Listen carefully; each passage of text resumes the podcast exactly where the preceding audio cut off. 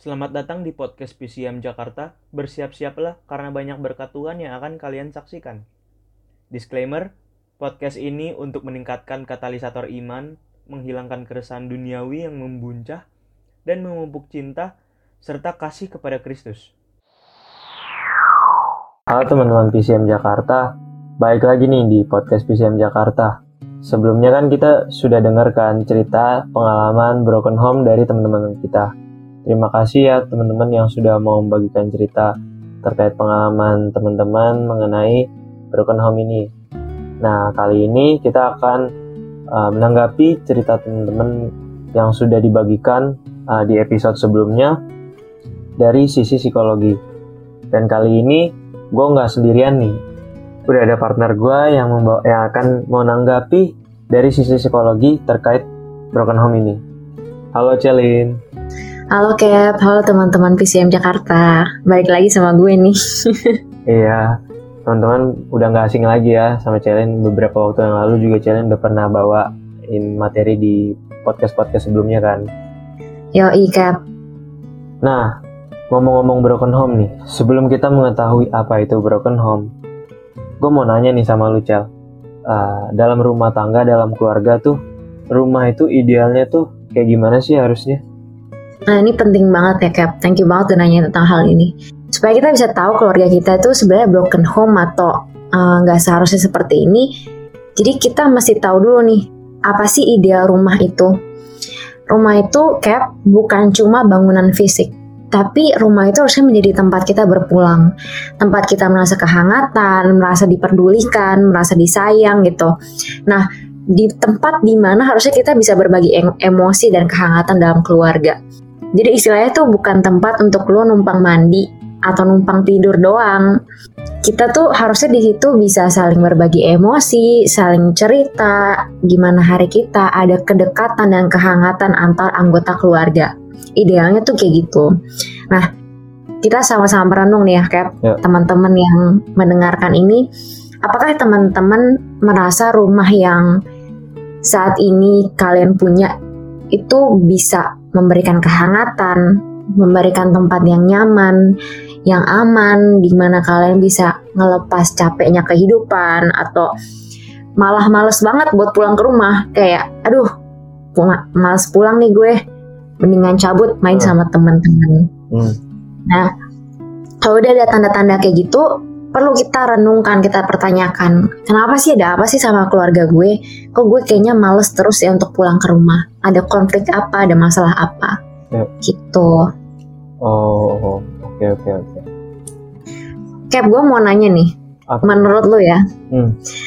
lebih baik mana uh, atau lebih sehat mana keluarga yang kelihatan utuh di depan, hmm. tapi dalamnya ancur kacau balau di dalam? Daripada? Atau daripada terlihat yang nggak utuh di depan, tapi dalamnya malah oh ternyata utuh ya.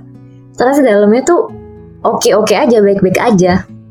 Yang kedua sih, karena kan pandangan orang kan nggak penting, yang penting kan yang di dalamnya, maksudnya ya mm-hmm. per, uh, penilaian orang tuh menurut gue ya nggak penting sih menurut gue itu kan cuman tergantung dari bagaimana orang memandang aja ya yang mm-hmm. penting kan internalnya yang kayak gimana gitu kalau buat gue sih gitu nah tapi menariknya tuh ya kap hmm. kadang orang tuh malah lebih mentingin kalau kelihatan di luar tuh ya. iya kalau kelihatan di luar tuh gue harus oke oke aja keluarga gue harus kelihatan baik baik aja gue punya ayah ibu lengkap di rumah uh, tapi kelihatan orang kayak bahagia banget tapi sebenarnya nggak harmonis kayak gue jarang ngomong sama bokap gue jarang ngomong sama nyokap gue hmm. Hmm, hmm sebenarnya kacau balau nggak ada komunikasi sama sekali di dalam oh. keluarga. Itu iya benar gue setuju sama yang kedua sih. Oke. Okay. mm -hmm. nah lanjut nih. Kan kita udah tahu tuh rumah idealnya tuh kayak harusnya kayak gimana. Nah uh, ya, gue mau nanya lagi nih Cel yang kedua apa itu broken home? Oke okay, itu tadi kan idealnya.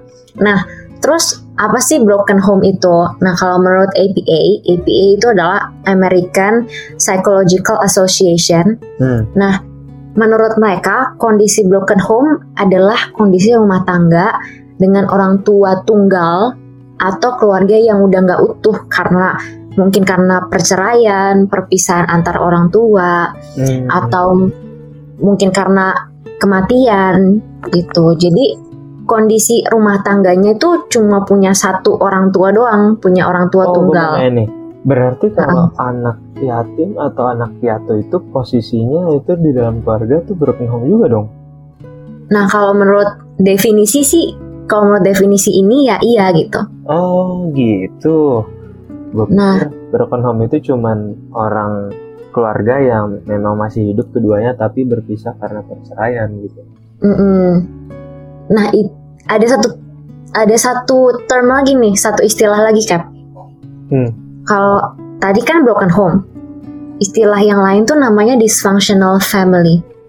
Nah, justru ini yang kayak kelihatan utuh di luar, masih ada ayah, masih ada ibu di rumah, Hmm. tapi yang dalamnya kacau balau, yang komunikasi nggak jalan, yang anak-anaknya nggak bisa mengekspresikan diri dengan bebas di rumah.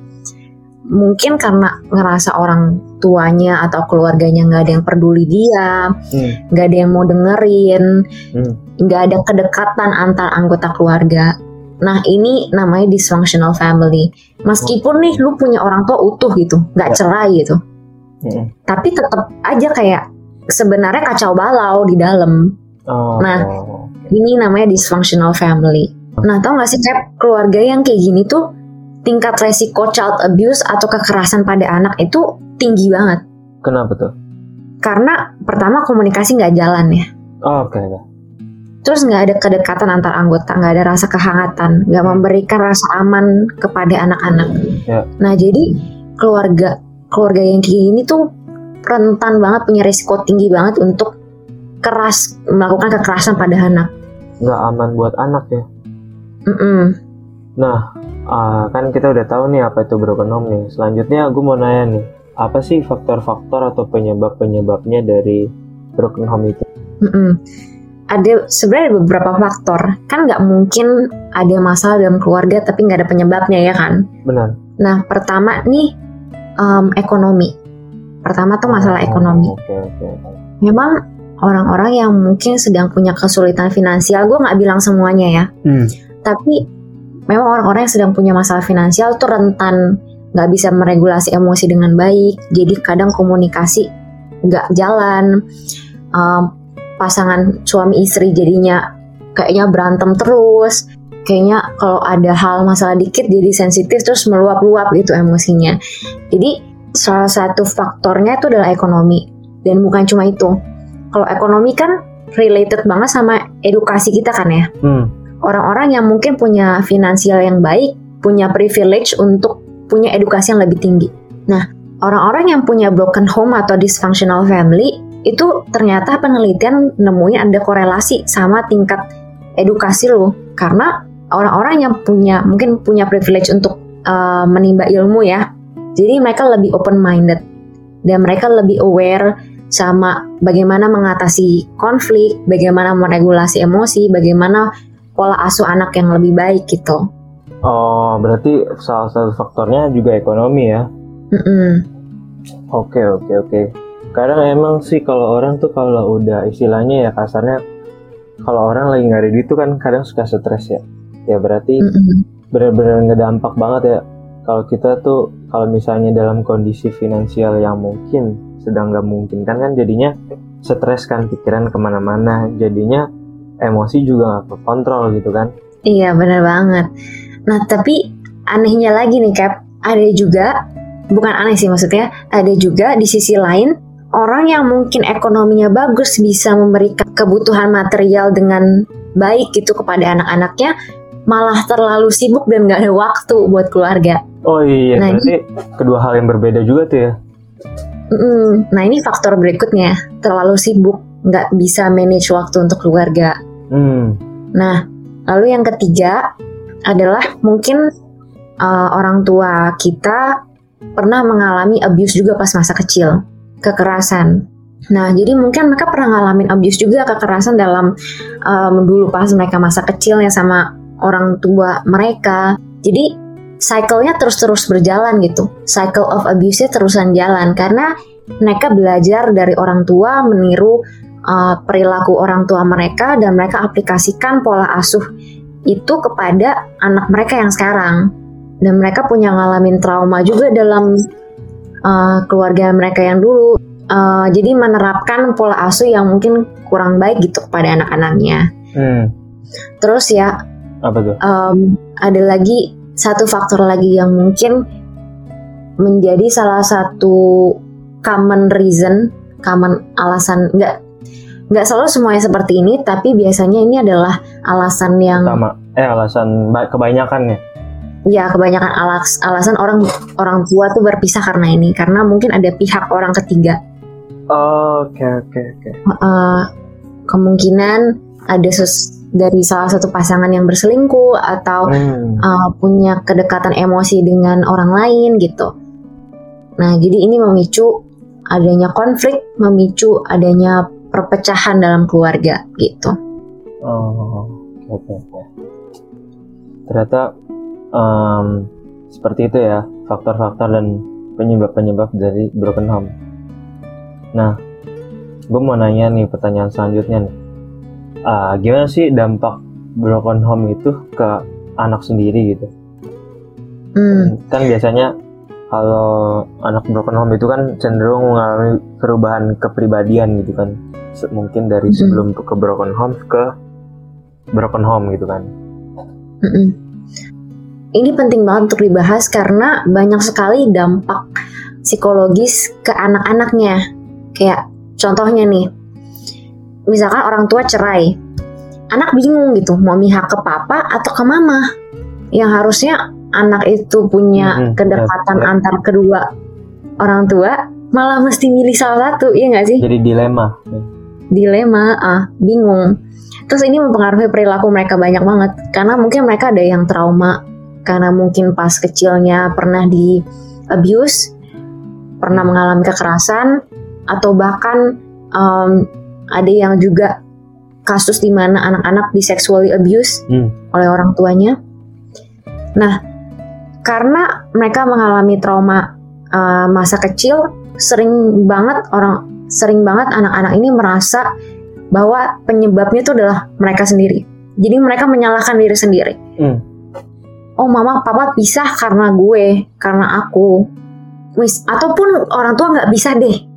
I- ibaratnya misalnya orang tua nggak pisah. Tapi orang tuanya sering ngomong ke anak-anaknya kayak, kalau nggak demi kamu, mama nggak akan bertahan loh. Oh. Kalau nggak demi anak, Hmm. mama sama papa nggak akan bertahan uh, susah-susah dalam uh, keluarga ini Hmm. padahal udah nggak cocok satu sama lain. Hmm. Nah, either way, mau mereka bercerai atau mereka tetap bertahan demi anak, Hmm. itu tuh membuat anaknya sendiri malah menyalahkan diri sendiri. Oh. Kayak contohnya nih, kadang kan kalau misalkan orang tua kita lagi ada ribut, Ya. seringnya anak tuh jadi pelampiasan gak sih? Benar-benar. Karena anak nggak ngerti gitu dan uh, seringnya kita dijadiin pelampiasan kalau mereka lagi bad mood gitu sering kayak meluapkan emosi kepada anak gitu. Hmm. Nah, ketika anak mengalami kayak gitu, mereka jadi mikir, oh orang tua gue berantem gara-gara gue. Padahal sebenarnya nggak itu. Sebenarnya karena komunikasi antar orang tua kita tuh nggak jalan, tapi malah pas banget nih ada ada yang bisa kita pelam, ada yang bisa mereka pelampiasin yaitu kepada anak. Jadi ya udah anak kena imbasnya. Padahal alasannya bukan karena anaknya yang salah. Hmm. Nah ini mengganggu psikis anak banget, Cap. Oh iya. Gedenya tuh dia akan selalu takutan menjadi people pleaser yang kayak oh gue harus gue takut menyinggung orang lain, gak enakan banget sampai uh, rela untuk mengorbankan diri sendiri gitu demi kebaikan orang lain. Hmm. Um, kayak merasa kalau mereka tuh harus jadi anak baik terus supaya orang bisa sayang sama dia. Oke. Ini tuh buat anak nggak nggak bisa jadi diri sendiri, Hmm. nggak bisa jadi diri sendiri. Jadi jadi berubah ya ininya kepribadiannya ya. Mm-mm. Nah, mereka juga malu gitu. Mereka merasa malu dan kayak beda sama teman-temannya. Kayak di surat pertama dari teman kita tuh yang Hah? podcast kemarin, dia sempat bilang kayak dia malu, uh, apalagi punya keluarga broken home Advent yang broken home gitu rasanya aneh gitu Hmm. sempat dibilang di surat yang kemarin kan Iya. memang anak-anak yang punya keluarga dysfunctional atau punya broken home malu gitu kalau ditanyain biasa kan orang nanya eh, hal yang simpel aja deh kayak mama papa kamu di mana? Iya, iya, iya, iya. orang anak yang broken home tuh nggak suka ditanya tentang keluarga sama sekali. Jujur, jujur nih berdasarkan pengalaman gue, iya. Iya, Nah, bener kayak nggak nyaman gitu kan Mm-mm. ya Cap kayak aduh eh, apaan sih? gitu kayak dalam hati kenapa sih harus bahas-bahas tentang ini? gitu. Mm-mm. karena mungkin deep down kita ngerasa malu. Kita nggak punya keluarga yang seharusnya. Hmm. atau mungkin kayak aduh bingung males deh gue ceritain kisah keluarga gue lagi gitu. Nggak kayak ragu apakah orang ini akan paham tentang cerita gue paham tentang kondisi keluarga gue. Hmm. gitulah jadi rumit. Nah terus anak-anak jadi suka iri dengan keluarga temannya. Ah benar benar. Kita- benar banget tuh apalagi kalau ngelihat teman dekat kita yang keluarga harmonis banget ya. Iya iya. Apalagi makanya kadang tuh ya eh, biasanya sih kalau anak-anak yang kayak gitu yang gue lihat tuh malah cenderung lebih nyaman di keluarga yang keluarga temennya yang harmonis. Mm-mm. bener bener Iri banget. juga gitu. Iya. Karena kayak aduh seandainya keluarga gue bisa kayak keluarga lo ya. Hmm. aduh seandainya gue punya orang tua yang harmonis yang bisa diajak bercanda yang uh, nanyain kabar gue yang peduli sama gue yang sayang sama gue. Hmm. gitu. Ada rasa iri gitulah dalam hati. Iya benar benar. Nah dampaknya kayak bukan cuma ke rasa iri ke uh, karakter atau konsep diri yang negatif membuat anak-anak malah merasa kayak mereka worthless mereka nggak berharga nggak layak bahagia tapi juga dampaknya sampai ke interpersonal uh, hubungan interpersonal gitu. Kayak contohnya anak-anak yang broken home jadi takut untuk ngejalani hubungan romantis saat dewasa. Hmm. takut buat percaya sulit buat percaya sama orang lain. Um, dan kayak takut gitu untuk punya committed relationship. Oh, oke. Hmm, karena kayak takut antar gue kayak bokap nyokap gue nggak ya? Ntar ujung-ujungnya sama sama aja gitu kan.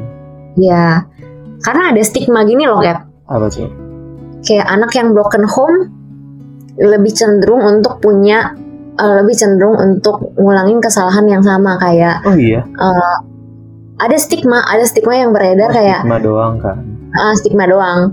Stig, uh, stigmanya itu kayak uh, anak-anak yang broken home tuh uh, orang tuanya misalkan pisah. Hmm. Ada kemungkinan besar katanya ketika mereka menikah mereka bisa pisah juga sama pasangannya. oke Tapi sebenarnya Cap, apa stigma ini tuh nggak sepenuhnya benar gitu loh. oke Memang hubungan keluarga lo masa kecil lo tuh mempengaruhi perilaku lo. Hmm. Tapi kalau misalkan dari sekarang nih, lo bisa uh, mengubah perilaku lo, bisa menentukan pilihan yang baik gitu. Ya. Gak gak tentu juga kalau lo akan ngalamin uh, hubungan toxic relationship dalam marriage gitu. Hmm. Siapa tahu lo bisa malah kayak karena lo udah mengalami alami jadi udah baik. mengerti iya udah mengerti kegagalan dari orang tua atau permasalahan dalam keluarga lu sekarang Ya. lu justru bisa menghindari itu nantinya di keluarga lu di masa depan hmm, benar benar benar Mm-mm. dijadiin pelajaran gitu ya Iya Oke.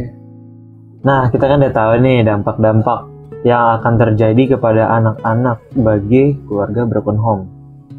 Nah, sekarang ini gue akan nanyain gimana solusinya untuk mengatasi broken home itu. nah kadang tuh orang mikir ya kalau misalkan gue punya keluarga yang broken home ya udah gue nggak bisa mengubah apa pun Hmm.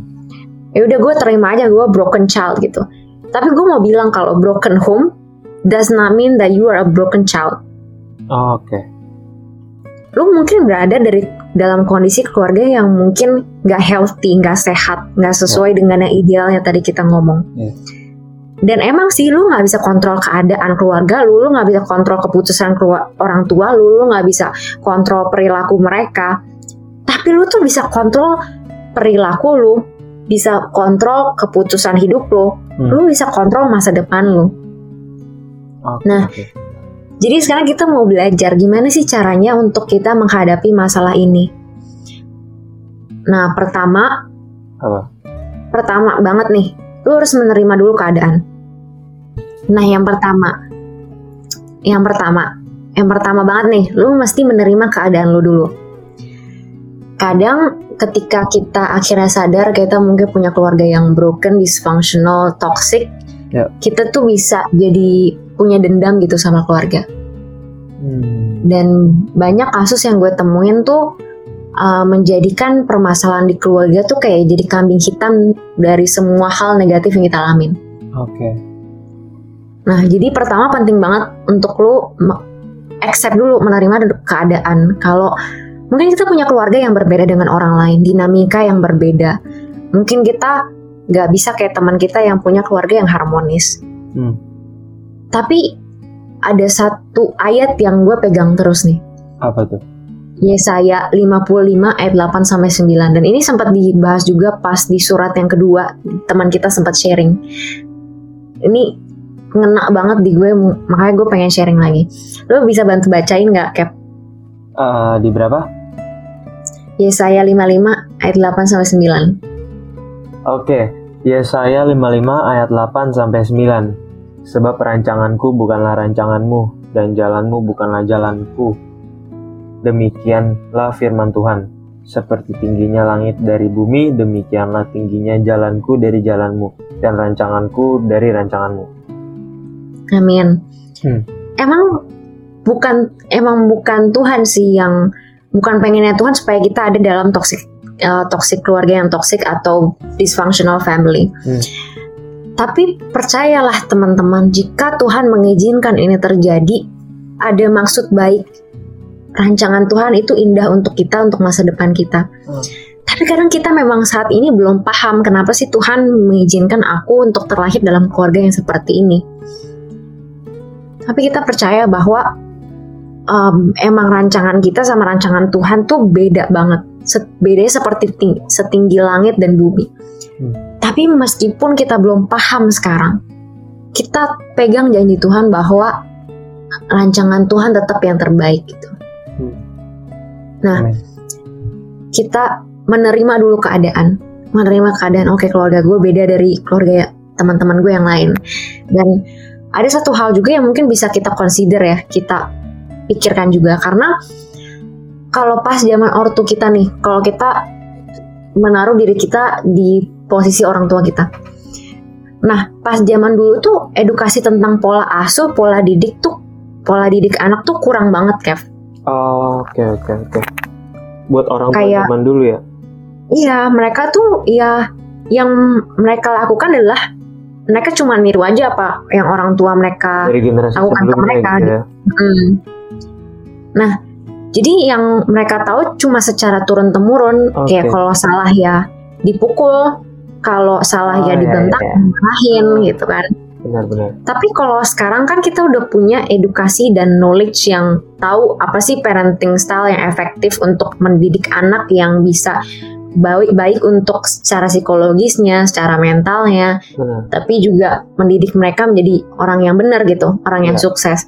Karena Tapi mereka nggak punya itu dulu. karena karena ini juga sih karena kita nggak bisa menyamakan generasi yang dulu sama generasi yang sekarang. Karena ya tiap generasi kan punya perubahan masing-masing ya punya faktor yang berbeda-beda gitu. Terkait ya misalnya kepribadiannya ya kayak misalnya mungkin zaman dulu orang kalau mukul anak ya biasa aja gitu kan. Kalau sekarang kan berjalannya waktu kan ada perubahan-perubahan gitu kan. Mm-mm, bener banget Cap. Nah, ketika kita consider hal-hal seperti ini, kita taruh posisi kita dalam posisi, dalam posisi orang tua, membuat kita untuk lebih gampang untuk menerima keadaan. Gue tahu sih tapi ada kasus di mana yang orang tuanya benar-benar sexually abuse atau benar-benar abusive banget sama anak-anak. Nah, gue nggak bilang kalau kita harus membenarkan perilaku itu karena perilaku itu memang tidak benar, Ya. tetapi em, ketika lu menerima keadaan akan lebih mudah untuk lu recovery, lebih mudah untuk lu healing diri lu sendiri. Hmm. Gitu. oke Nah, Yang kedua Apa tuh? adalah fokus ke hal-hal yang baik gitu. Ya. Gue nggak bilang uh, you deserve to have this family, not at all.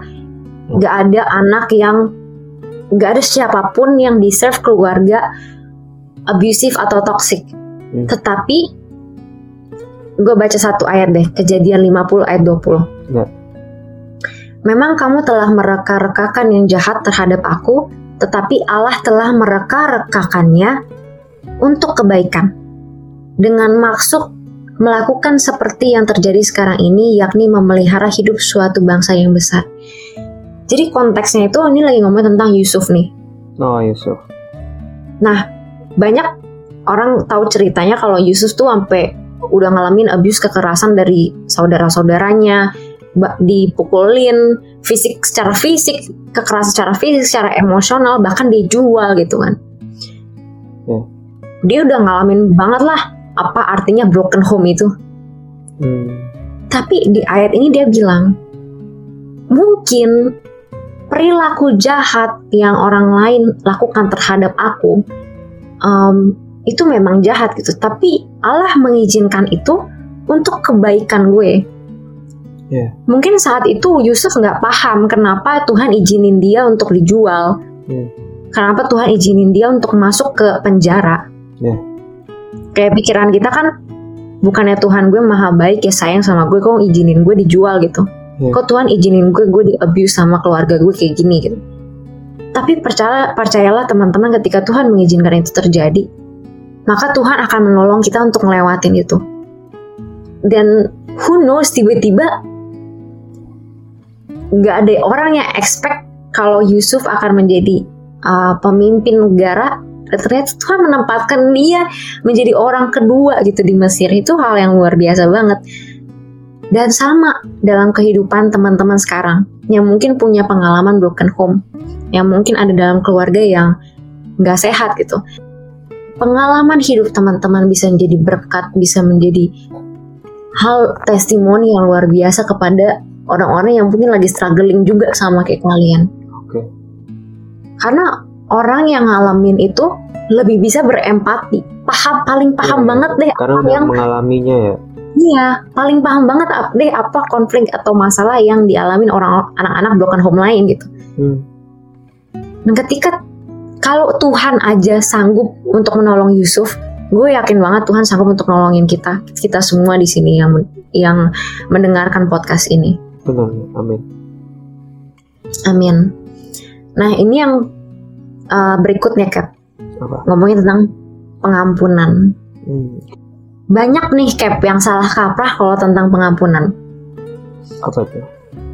Jadi gue mau bahas dulu apa sih pengampunan itu dan apa yang bukan termasuk pengampunan. Hmm. Oke. Pertama, forgiveness itu is not an instant atau one time event, tapi proses. Pengampunan tuh nggak bisa lu paksa, nggak bisa lu paksa. Mis- kayak misalkan orang tuh lagi curhat nih ya, sering banget orang ngomong kayak ya udah ampunin aja Tuhan Yesus kita aja ngampunin kita ampunin aja gitu Iya. Emang bener kita harus mengampuni. Tapi pengampunan tuh lu nggak bisa paksa dan nggak bisa nggak bisa lu buru-buru maafin orang gitu. Iya. nggak bisa instan. Lu butuh waktu dan memang butuh proses untuk sepenuhnya segenap hati memaafkan. Iya. lo butuh memproses dulu perasaan lo kenapa sih gue marah? Sikap keluarga gue yang kayak gimana yang bikin gue benci yang bikin gue sakit hati yang bikin gue marah nyokap gue bokap gue ngapain gue sampai kenapa gue bisa marah kayak gini? Hmm. apa dampaknya ke gue ke perilaku gue sekarang? Kenapa gue ngerasa benci banget sama keluarga gue? Kenapa gue nggak gue nggak mau uh, pulang ke rumah? Kenapa gue nggak pernah betah di rumah? Lu mesti memproses dulu. Mencari tahu dulu lu gali dulu hati lu kenapa? Ya. kalau udah memproses itu semua memproses rasa sakit hati itu lu itu justru itu akan membantu lu untuk mengampuni dengan segenap hati Amin. Amin. Nah, dan pengampunan itu bukan manfaatnya untuk orang yang nyakitin kita, tapi pengampunan itu malah bermanfaat Buat buat kebaikan diri sendiri. Oke. Lu nggak perlu nunggu orangnya minta maaf dulu Ya. buat lu ngampunin mereka. Ini kunci ya, Cap. Karena sering kali tuh orang yang nyakitin kita tuh nggak ngerasa bersalah. Oh iya iya. iya. Mereka nggak paham salahnya di mana. Hmm. Menurut mereka kayak normal-normal aja. Tapi mereka nggak sadar kalau ini tuh nyakitin kita. Oke. Jangan nunggu orang tua lu atau kakak adek lu Hmm. minta maaf dulu sama lu baru lu ngampunin. Karena buat you did, apa yang lu lakukan adalah lu mengizinkan um, orang itu punya kunci kebahagiaan lu. Hmm. Karena punya dendam, punya rasa sakit hati yang lu terus-terusan pegang, Ya. itu mempengaruhi lu banget. Oke. mempengaruhi kebahagiaan lu, masa depan lu, perasaan lu, hubungan lu dengan orang lain, dengan orang-orang yang yang lu cinta itu mempengaruhi banget. Oke. Jangan taruh kunci kebahagiaan lu ke tangan orang yang udah nyakitin lu. Kita sendiri nih yang harus mutusin, oke, gue mau mengampuni orang ini supaya gue bisa lega, supaya gue bisa punya lembaran baru dalam hidup gue. Hmm. Berikutnya, pengampunan itu bukan berarti melupakan. Ada orang kayak ngomong forgive and forget. Hmm. Lu tuh nggak bisa ngelupain. Maksudnya lu gimana mau ngelupain? Emangnya kita amnesia buat bisa Iya, iya, lupa iya, hal-hal betul. yang nyakitin kita gitu? Kayak nggak mungkin gitu ya, Cap. Pak. Hmm. Nggak mungkin lupa. Iya karena itu sakit banget, menyakitkan banget. uh, untuk punya keluarga yang broken home atau punya orang tua yang toxic gitu atau kakak adik yang toxic Hmm. lu gak akan bisa lupa tapi lu bisa mengampuni Hmm. mengampuni itu bukan berarti lu, lu melupakan Mengikhlaskan ya. iya. Kayak lu you let go. Hmm. you let go of what have happened in the past. Ada waktu di mana lu akan tiba-tiba keinget lagi. Misalkan contohnya nih lu udah lama nggak ketemu eh, si A gitu. Iya. orang yang lu benci. Pas ketemu tiba-tiba lu ngerak tiba-tiba ada rasa benci itu lagi yang muncul lagi gitu. Padahal lu kira lu udah memaafkan dia. Nah ini yang gue bilang kenapa forgiveness itu bukan artinya melupakan dan forgiveness itu nggak instan Iya. itu proses Proses. Benar. bukan berarti lu nggak mau mengampuni tapi memang itu butuh waktu Iya. butuh waktu untuk benar-benar mengampuni dengan segenap hati ketika lu keinget lagi masalah-masalah eh, dulu yang menyakiti hati lu yang lu bisa lakukan adalah berdoa sama Tuhan Tuhan aku udah memutuskan untuk mengampuni dia tiba-tiba keinget keinget eh, akan masalah yang lalu dan Tuhan tolong aku untuk kembali memutuskan untuk mengampuni dia lagi gitu sanggupkan aku Tuhan Hmm. gitu. Nah, terus yang berikutnya nih Cap, Apa tuh? pengampunan tuh bukan berarti lo mengizinkan orang itu untuk terus-terusan nyakitin lo. Hmm. Nih, ada orang yang kira pengampunan itu artinya rekonsiliasi. Ya udah lu kan udah maafin gue, ya udah kita bisa balikan deket kayak dulu lagi ya. Oh, Oke. Nggak gitu loh artinya. Lu udah tahu nih orang toxic sama lo. Hmm. Lu misalkan lu dalam keluarga yang abusive lu tahu nih bokap lu suka mukul lo gitu. Iya. Keras sama lo. Bukan cuma mukul lu doang, mukul nyokap lu, mukul adik lu gitu. Dan lu mau mengampuni. Tapi lu mengampuni bukan berarti mengizinkan bokap lu untuk terus-terusan nyakitin keluarga lu gitu. Oke. Oke. Dan rekonsiliasi tuh ya Cap butuh dua pihak, kerjasama dua pihak. Hmm. kalau pengampunan tuh nggak perlu dua pihak ya udah lu ngampunin aja gitu. Iya. Tapi kalau rekonsiliasi punya hubungan yang baru, membina hubungan baru itu butuh dua pihak. Kalau orang yang kita ampuni nggak berubah-berubah gitu, tetap toksik bahkan membahayakan uh, keluarga lu, adik lo, kakak lo, nyokap lo, bokap lo atau siapa pun itu, Iya. ya kita nggak bisa maksain untuk rekonsiliasi Hmm. kayak ada kasus di mana um, orang tuanya sexually abuse anaknya dan suka mukul gitu. Iya. Nah kalau kasus-kasus kayak gitu ada perlunya kita jaga jarak ya nggak sih? Iya benar. benar. ada perlunya lu jaga jarak bukan berarti lu masih benci sama orang tua lu lu masih berusaha dalam memproses untuk mengampuni tapi lu mesti jaga jarak agar abuse itu nggak terulang lagi Iya. dan mungkin orang tua lu butuh waktu untuk rehabilitasi um, untuk belajar pola asuh yang lebih baik sampai akhirnya ketika sama-sama udah siap untuk rekonsiliasi rekonsiliasi baru bisa membina hubungan baru yang lebih baik gitu. Iya. Nah, ini yang terakhir nih, Apa tuh? pengampunan itu nggak berdasarkan perasaan. Oh, Oke.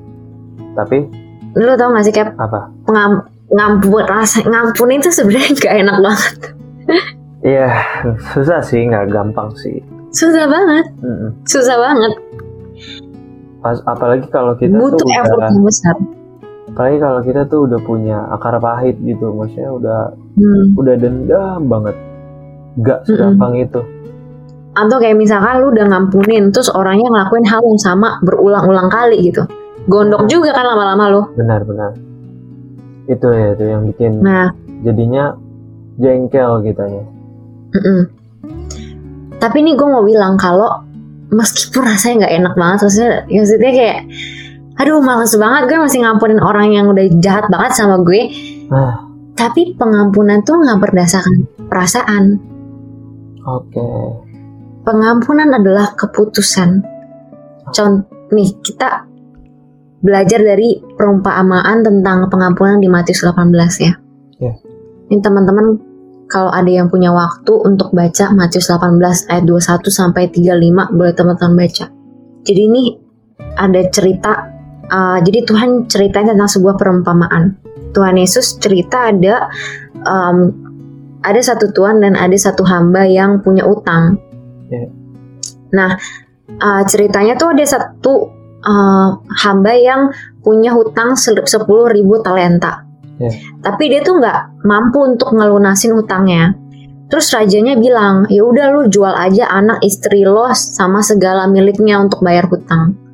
Terus hambanya minta ampun, aduh, sa- aduh tuan sabarlah dahulu, Hmm. S- nanti aku berusaha untuk ngelunasin hutang hutangku gitu. Hmm. Terus uh, tuan atau raja itu kayak akhirnya iba lah ya belas kasihan sama hambanya. Terus ya udahlah dia membebaskan dan menghapuskan semua hutangnya loh. Hmm. Gue kalau jadi rajanya nih ya, mungkin gue nggak akan membebaskan semua hutangnya. Mungkin gue potong berapa persen atau mungkin gue perpanjang waktu untuk lo bisa ngutang. Penundaan dikasih apa ditunda Iya. pembayarannya. Hmm. Iya pembayarannya. Tapi ini raja baik banget sampai kayak ngebebasin dan menghapuskan semua hutangnya. Iya. Udah kan tuh. Terus hambanya keluar, ketemu sama hamba lain yang utang sama dia 100 dinar. Hmm. 100 dinar tuh banding sama 10.000 talenta yang dia utang tuh kayak udah bedanya langit dan bumi gitu. Iya. Lebih jauh, lebih kecil dari hutang dia sama raja. Hmm. Terus eh, hambanya hamba yang utang 100 dinar sama hamba yang baru dibebasin utangnya itu eh, bilang dia belum bisa bayar. Hmm. Terus apa yang dilakukan sama hambanya yang satu lagi? Hamba yang satu lagi Apa itu? dia nangkep terus cekek terus mencekik kawannya itu temennya itu Hmm. paksa untuk dia bayar utang Waduh. Nah, terus ketahuan dong sama raja. Ya. Terus dipanggil hamba yang eh, mencekik temennya itu. Dibilang, hai hamba yang jahat. Semua utang kamu tuh udah aku lunasin, udah aku hapuskan. Tapi kok bisa-bisanya kamu maksa teman kamu ini yang cuma utang 100 dinar untuk bayar utang lo. Hmm. Untuk maksudnya untuk bayar utang dia. Ya. Terus marahlah tuannya itu akhirnya em, menyerahkan si hamba jahat ini kepada Algojo-Algojo sampai dia bisa melunaskan hutangnya. Hmm. Nah terus Tuhan Yesus ngomong abis cerita tentang perumpamaan ini. Maka Bapakku yang di sorga akan berbuat demikian juga terhadap kamu apabila kamu masing-masing tidak mengampuni saudaramu dengan segenap hatimu. Dari perumpamaan ini itu kita belajar Cap. Apa? Kita tuh hamba yang punya utang 10.000 talenta. Hmm. Kita tuh berdosa. Kita berdosa. Dan upah dosa ialah maut. hutang kita tuh nggak akan pernah bisa kita lunasin sendiri, Cap. Ya. Mau kita coba sebagaimanapun, kita nggak akan bisa lunasin hutang kita yang dosa itu, nggak bisa. Benar. Dan apa yang Tuhan lakukan? Dia bilang, oke nggak apa-apa, aku tahu kamu nggak bisa lunasin hutang kamu, maka aku yang akan lunaskan. Hmm. Yesus mati di kayu salib buat kita untuk ngelunasin hutang kita tentang dosa. Amin. Dan ketika kita udah mengalami pengampunan yang luar biasa dari Tuhan, membuat kita sanggup juga buat ngampunin orang yang mungkin punya salah juga sama kita. Emang susah untuk mengampuni. Iya. Tetapi ketika kita belajar pengampunan yang Tuhan kasih ke kita, kita akan sa- sanggup juga untuk mengampuni orang itu. Tuhan akan memberikan kesanggupan bagi kita. Tuhan akan memberikan pengampunannya ke dalam hati kita sehingga kita bisa merelakan untuk memberikan pengampunan ke orang yang nyakitin kita. Ya, benar. Amin. Amin. Terus ada satu hal lagi nih yang mungkin mau gue sampein ya. Apa tuh? Teman-teman yang mungkin punya pengalaman broken home, coba cari bantuan ke psikolog. Hmm. Kalau misalkan udah cerita ke teman, cerita ke kakak di gereja atau segala macem, tapi masih terus aj- aja dia ngeganjel di dalam hati tuh, please banget ke psikolog. Iya. Jangan dipendem. Karena itu juga mengganggu perkembangan kita juga sih ya. Pertumbuhan kita Mm-mm. juga. Dan iya, dan mungkin kita malu gitu loh cerita ke teman. Jadi kita nggak cerita seplong-plongnya. Hmm. Kita malu untuk cerita ke orang lain. Tapi kalau lu cerita ke psikolog yang udah expert menangani kasus tentang masalah keluarga, mereka paham banget lah uh, masalah keluarga, broken home segala macem. Dan mereka tuh bisa menjaga rahasia lu. Mereka punya confident dan mereka punya janji untuk memegang rahasia lu, Iya. masalah lu, sehingga lu tuh lebih nyaman untuk cerita ke mereka. Hmm. Dan mereka bisa nanggepin lu dengan lebih baik. Podcast ini mungkin bisa membantu lu di sedikit, tapi kayak gue sama lu di sini cap itu bukannya nggak bisa nggak bisa menjadi psikolog kalian. Kalau kalian masih ngerasa dia ngeganjel, coba banget ke psikolog. Pasti akan ngerasa lebih terbantu lah. Lebih Gitu. lega ya. Mm-mm. Oke teman-teman, semoga penambahan firman Tuhan tadi yang udah dibagikan oleh Celin bisa mencerahkan pikiran teman-teman nih yang mungkin punya permasalahan, punya keresahan yang sama terkait broken home nih. Dan gue yakin teman-teman semakin terbuka nih pikirannya. Dan semangat terus buat teman-teman yang broken home, jangan patah semangat karena Tuhan selalu ada di pihak kita. Dan gue yakin kita pasti bisa bangkit gitu. Oke. Nah, untuk sebelum menutup podcast kita nih, yang terakhir nih, Cel nih, Cel, gue mau nanya. Apa pesan-pesan yang ingin lo sampaikan ke teman-teman bagi teman-teman yang mengalami broken home? Hmm, oke. Apa yang terjadi di masa lalu kalian atau di keluarga kalian nggak menentukan masa depan lo. Hmm. Broken home is not a broken child. Meskipun lo ada dalam keluarga yang nggak sehat, yang dysfunctional family, broken home, Hmm. tapi nggak berarti you are a broken child. Tuhan sanggup banget nyembuhin semua luka sakit hatinya lo. Ini gue bacain di Mazmur 34 ayat 19. Tuhan itu dekat kepada orang-orang yang patah hati dan ia menyelamatkan orang-orang yang remuk jiwanya. Gue tahu ini proses yang gak mudah banget. Ini bukanlah hal yang mudah untuk lo lewatin. Ini hal yang berat, Ya. tapi izinkan Tuhan untuk menyembuhkan hati lo. Kasih semua sakit hati beban lo ke Tuhan. Cerita semuanya ke Tuhan. Sekalipun nih, lo nggak punya figur ayah atau ibu yang sempurna, yang seharusnya. Tapi ingat, Bapak di surga tuh juga orang tua lo loh. Ya. Yang nggak akan ninggalin lo. Mau orang tua lo ngelupain lo, Tuhan nggak pernah lupain lo. Dan buat keputusan untuk bangkit. Buat keputusan untuk bangkit. Tadi gue udah bilang kalau um, itu katanya. Dan buat keputusan untuk bangkit. masa lalu dan background keluarga lu tuh nggak menentukan masa depan lo, tapi yang menentukannya adalah lo bersama dengan Tuhan. Ya. Apa yang terjadi sama keluarga tuh, apa yang terjadi sama keluarga lo tuh emang di luar kendali lo. Lo nggak bisa nentuin, lo nggak bisa milih, lo mau lahir di orang tua yang mana. Tapi yang bisa lo tentuin gimana sekarang lu menghadapinya, gimana sekarang lu memprosesnya, meresponnya, dan gimana masa depan lo jadinya. Jadi bangkit yuk, bangkit, jangan stay dalam keterpurukan ini. Karena lu tuh anak yang sangat berharga, you are the child of God. Tuhan punya masa depan yang indah sama ma- Amin. Tuhan punya rencana dan masa depan yang indah buat lu. Benar. Itu dari gua Cap. Amin, amin. Wah, podcast kita kali ini benar-benar sangat spesial ya. Bukan cuman edukasi, tapi juga penguatan nih buat kita semua nih. Khususnya buat teman-teman yang mengalami pergumulan yang sama, mengalami permasalahan yang sama, yaitu broken home. Dan gue berdoa dan gue berharap buat teman-teman yang saat ini juga dengar podcast ini, semoga podcast ini bisa menjadi berkat buat teman-teman dan semoga podcast ini bisa mencerahkan pikiran teman-teman, menyemangati teman-teman lagi yang mungkin saat ini sedang patah semangat karena permasalahan di keluarga. Dan jika teman-teman merasa bahwa podcast ini sangat memberkati, uh, mungkin teman-teman juga bisa membagikan podcast ini kepada teman-teman yang lain yang khususnya memiliki pergumulan yang sama, supaya semakin banyak orang yang merasa terberkati, semakin banyak orang yang merasa teredukasi terkait permasalahan broken home ini. Thank you banget Cel udah menanggapi podcast kita yang di episode sebelumnya terkait broken home dari segi psikologi. Ya sekali lagi gue mau ucapin terima kasih ya buat Celin ya. Yo, Cap. Mantap mantap.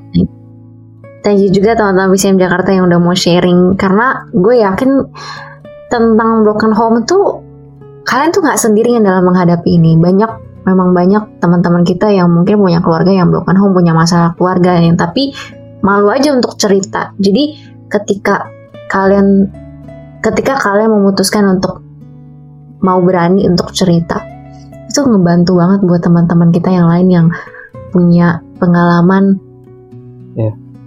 yang punya permasalahan keluarga gitu. Oke. Podcast kita sampai di sini. Dan jangan lupa terus pantengin podcast PCM Jakarta karena pastinya akan ada bahasan-bahasan yang menarik nih di episode-episode yang akan mendatang. Jangan lupa juga untuk terus follow sosial media PCM Jakarta yang ada di YouTube, yang ada di Instagram, yang ada di Facebook, dan juga jangan lupa follow Spotify podcast PCM Jakarta beserta di platform-platform podcast lainnya. Dah. PCM Jakarta Follow Jesus Embrace his mission and change the world.